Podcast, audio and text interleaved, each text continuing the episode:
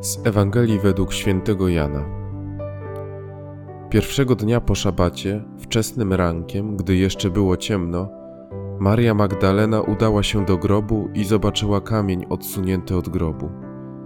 Pobiegła więc i przybyła do Szymona Piotra oraz do drugiego ucznia, którego Jezus kochał, i rzekła do nich: Zabrano pana z grobu i nie wiemy, gdzie go położono. Wyszedł więc Piotr i ów drugi uczeń i szli do grobu. Biegli obydwaj razem, lecz ów drugi uczeń wyprzedził Piotra i przybył pierwszy do grobu. A kiedy się nachylił, zobaczył leżące płótna, jednakże nie wszedł do środka. Nadszedł potem także Szymon Piotr, idący za nim. Wszedł on do wnętrza grobu i ujrzał leżące płótna oraz chustę, która była na jego głowie – leżącą nie razem z płótnami, ale oddzielnie zwiniętą w jednym miejscu. Wtedy wszedł do wnętrza także i ów drugi uczeń, który przybył pierwszy do grobu. Ujrzał i uwierzył. Dotąd bowiem nie rozumieli jeszcze pisma, które mówi, że ma powstać z martwych.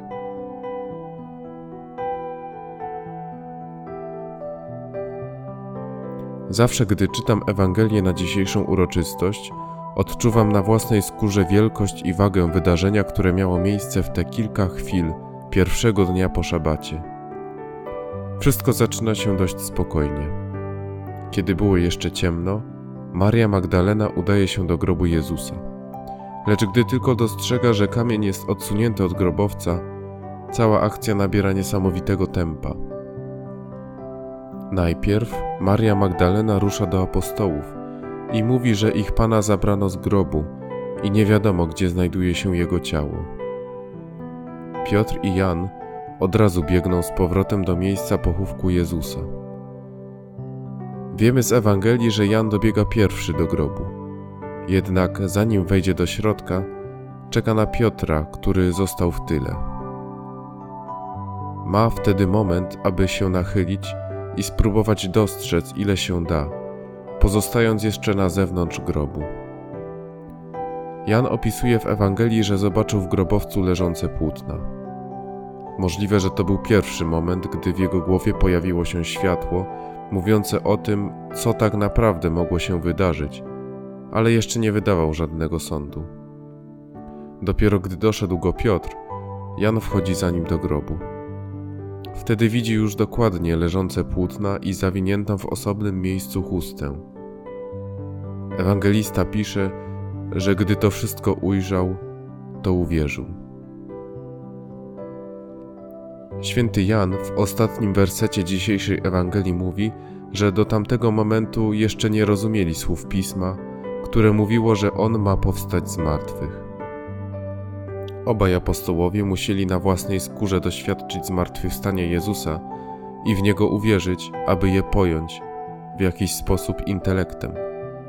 Nie rozumieli i nie potrafili sobie wcześniej uświadomić prawdy o zmartwychwstaniu, pomimo tego, że nie tylko dobrze znali pismo i proroków, ale też byli przy tym, jak Jezus wprost mówił o swojej śmierci i o swoim zmartwychwstaniu po trzech dniach. Konieczny był dla nich szczery akt wiary w pokonanie śmierci przez Mesjasza, aby wszystko to, co widzieli dotychczas, mogło utworzyć jedną zgraną i spójną całość. W tym miejscu ewangelista bezpośrednio wskazuje nam, że wiara w zmartwychwstanie Chrystusa jest najistotniejszą i niezastąpioną częścią naszej wiary. Święty Paweł naucza, że gdyby Chrystus nie zmartwychwstał, to daremna byłaby nasza wiara. Czyli jeżeli by zmartwychwstania nie było, to cała reszta innych ludzkich czynności, aktów wiary i postanowień związanych z naszym życiem jako chrześcijan byłaby daremna, próżna i bezsensowna. Dzisiejszy dzień w sposób szczególny uświadamia nam dobrą nowinę o powstaniu z martwych Chrystusa. Jednakże przypomina nam też o tym, że potrzebna nam jest ciągła konfrontacja swojego życia z tą prawdą. To znaczy, że każdy moment i każda nasza decyzja domagają się postawienia ich w kontekście pokonania śmierci i grzechu przez Jezusa. Musimy stawiać sobie pytanie, Czy wybory i działania, które podejmujemy, przybliżają nas do zmartwychwstałego i pomagają przezwyciężyć swoją grzeszność? Czy wręcz przeciwnie, utwierdzają nas w wyborze zła i pogrążają w bezsensie grzechu?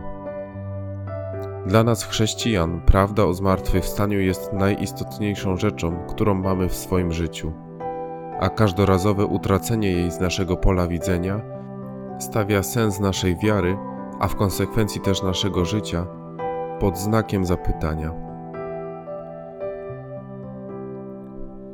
Dla apostołów, którzy są bohaterami dzisiejszej sceny ewangelicznej, ten pewnie dość krótki czas był tym, który miał przesądzić o najważniejszych sprawach w ich życiu oraz o całym jego dalszym przebiegu.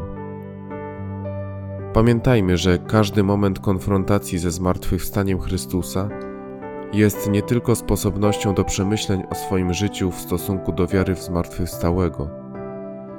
Z każdą taką refleksją mamy okazję do realnej zmiany swojego życia na lepsze – tak aby uczynić je możliwie najbardziej szczęśliwym. Każdy wybór pójścia za prawdą o zmartwychwstaniu jest szansą na rozpoczęcie prawdziwie nowego życia, w większej bliskości i głębszej relacji z Chrystusem.